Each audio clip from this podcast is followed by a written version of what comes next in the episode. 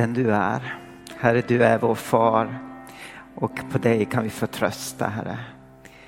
Herre, när vi har dig i himlen, Herre, då frågar vi efter ingenting här på jorden. För att du är vår far. Tack för att det endast goda och fullkomliga skänke kommer ner ifrån dig, Gud. Vi tackar dig Herre för den här kvällen. Vi tackar dig för var och en som är här och för de Herre som inte har kunnat komma hit ikväll men sitter och tittar bakom sin skärm Herre. Tack för att du vet vad som finns i deras hjärtan, vad som pågår i deras liv idag. Jag tackar dig Herre, du som är deras far.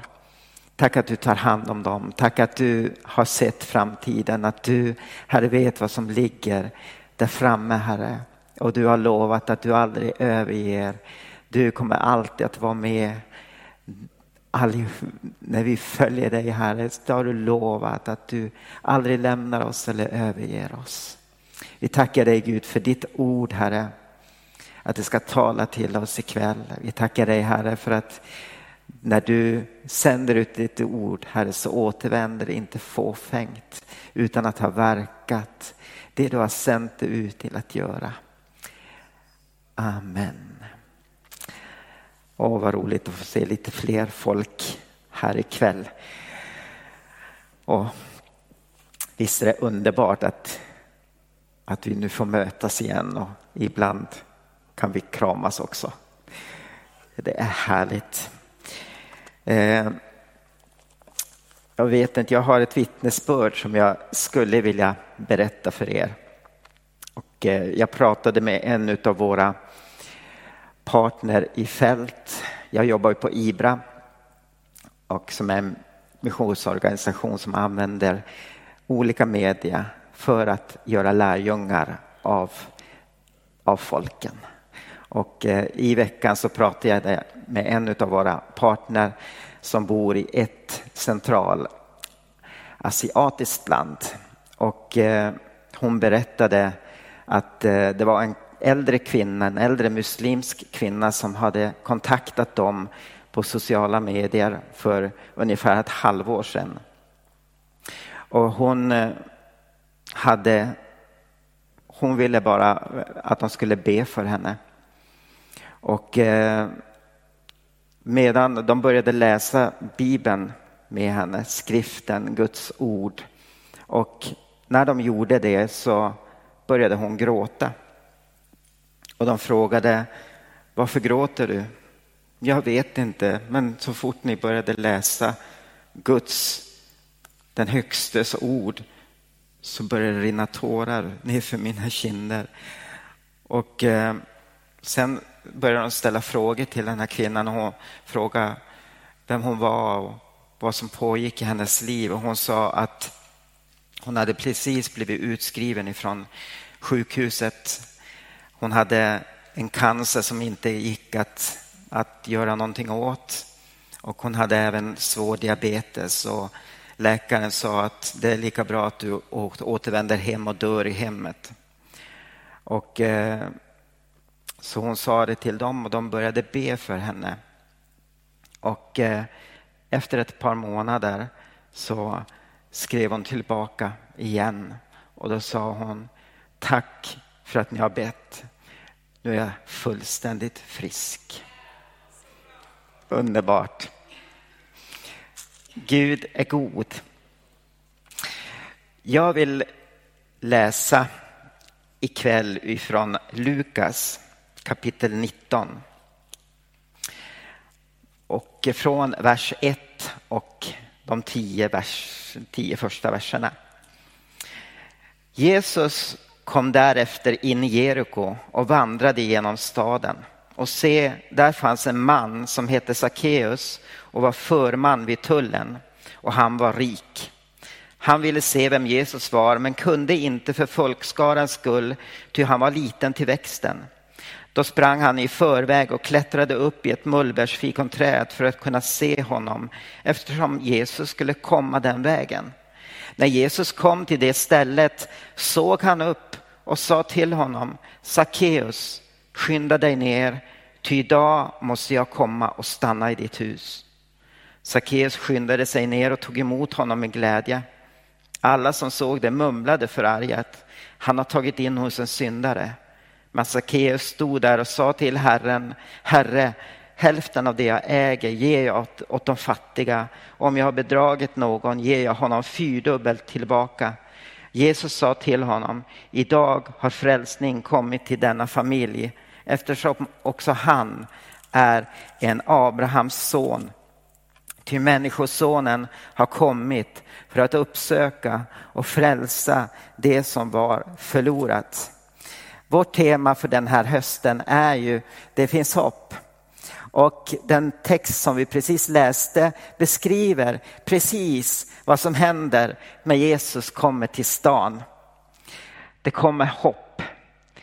Och i kapitlet innan så läser vi en berättelse som sker precis innan Jesus kommer in i Jeriko.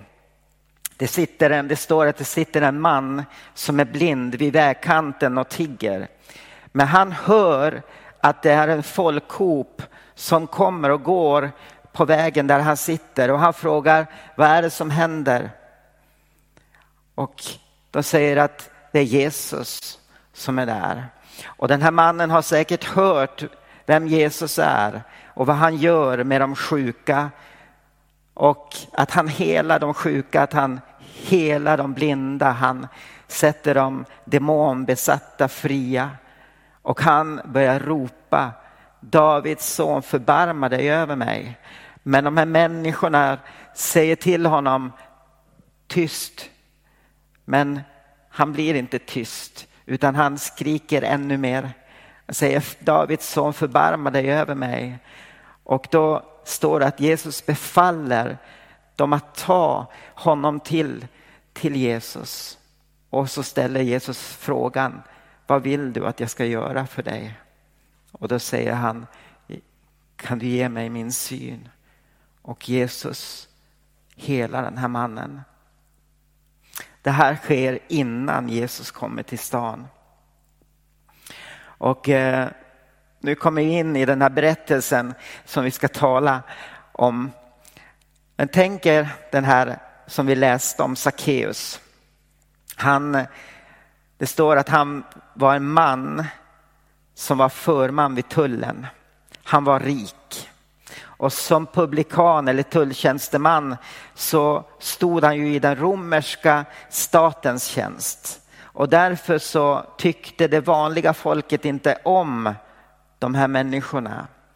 Och eh, så här har vi Sackeus, en tulltjänsteman. Han var rik. Det står att han var kort till växten.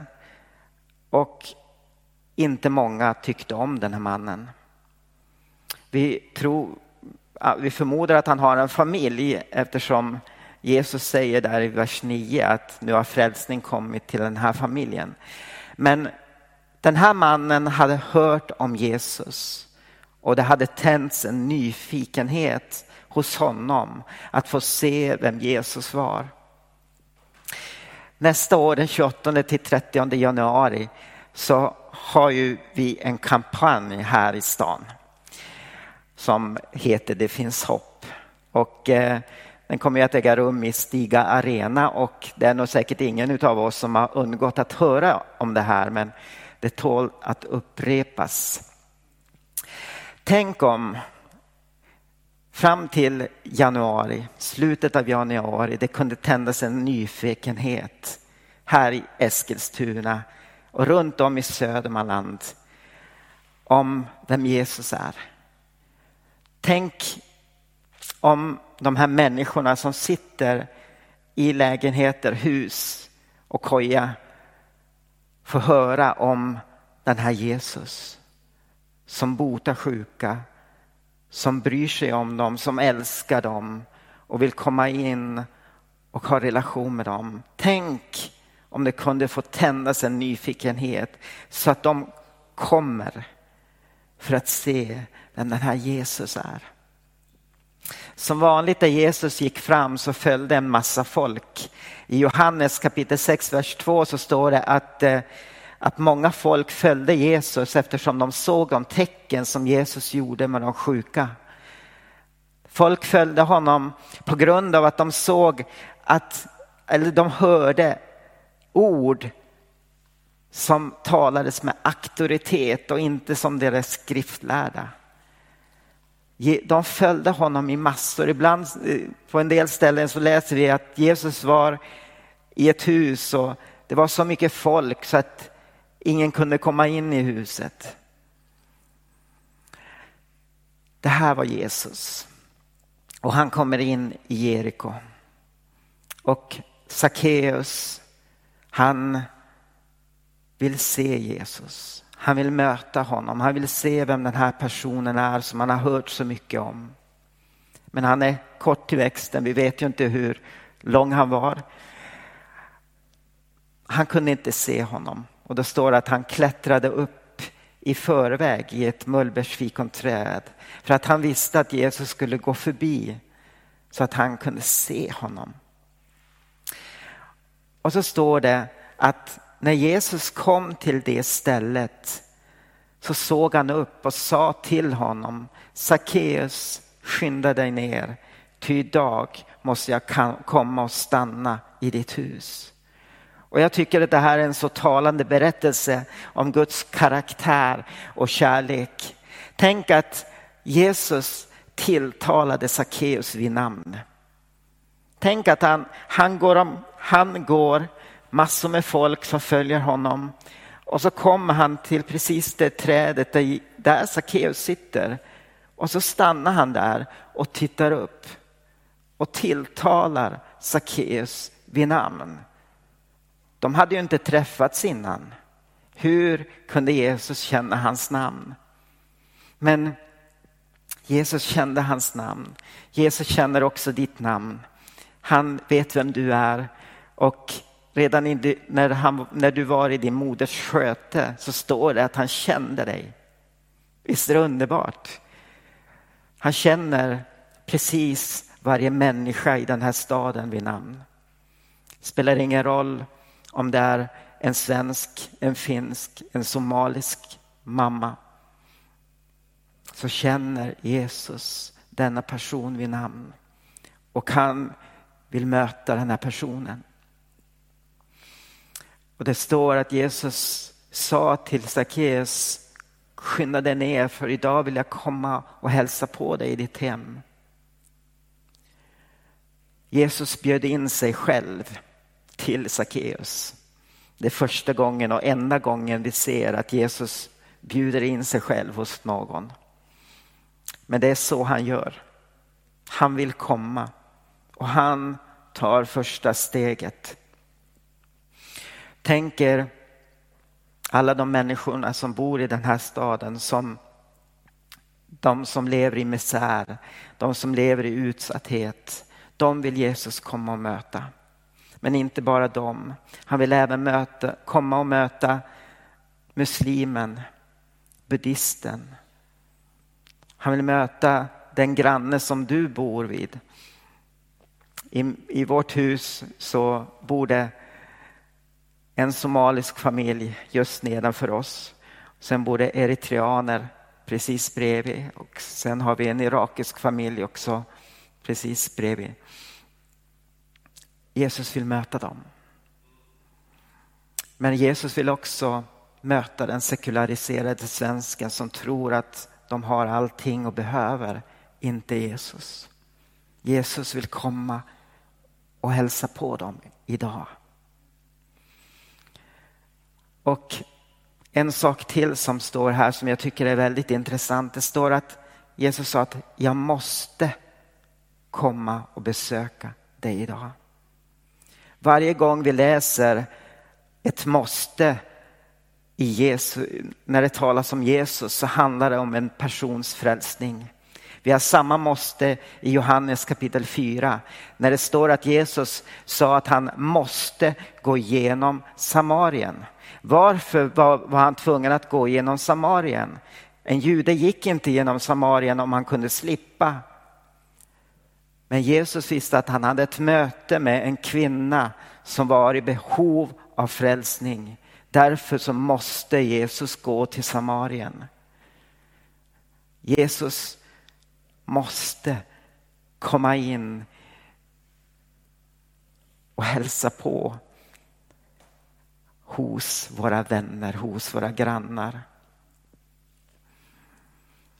Jesus han gick emot den gängse mentaliteten som rådde i Israel vid den här tiden.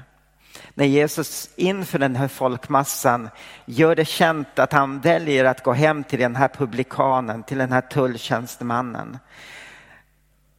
Man gjorde inte sånt, men han visade att för honom, han bryr sig inte om religiösa fördomar eller några andra fördomar. För honom är det viktigt att det finns en människa som vill möta honom, som är i behov utav honom. Vad händer när Jesus säger de här orden till Sackeus?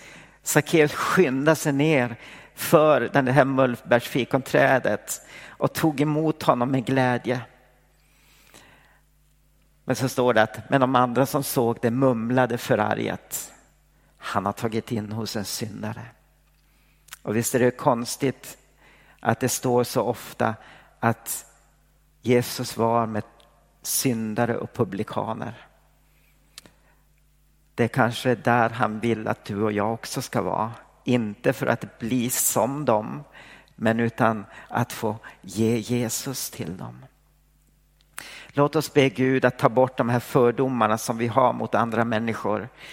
Religiösa fördomar eller andra fördomar. Gud vill att alla människor ska gå, bli frälsta och komma till kunskap om sanningen. Han vill nå alla, oavsett hudfärg, kön, religiös tillhörighet och så vidare. Gud vill nå alla. Och vi behöver samma frimodighet som Jesus hade. Och det kan den helige ge till både dig och mig.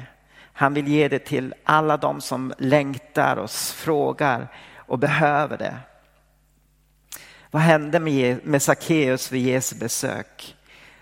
Det står att Sackeus sa till Jesus, Herre, hälften av det jag äger ger jag till de fattiga och om jag bedragit någon ger jag honom fyrdubbelt tillbaka. Här ser vi att Sackeus omvänder sig. Genom att han säger, säger att han skulle fy, ge fyrdubbelt tillbaka så går han långt över det som lagen krävde. Lagen krävde att man skulle ge en femtedel över det som han hade tillskansat sig på fel sätt. Men han säger att han ger fyrdubbelt tillbaka. Och eh, så att han säger att han ger hälften av det han äger och fyrdubbelt tillbaka. Så hur mycket har han kvar av det han ägde? Vi vet inte.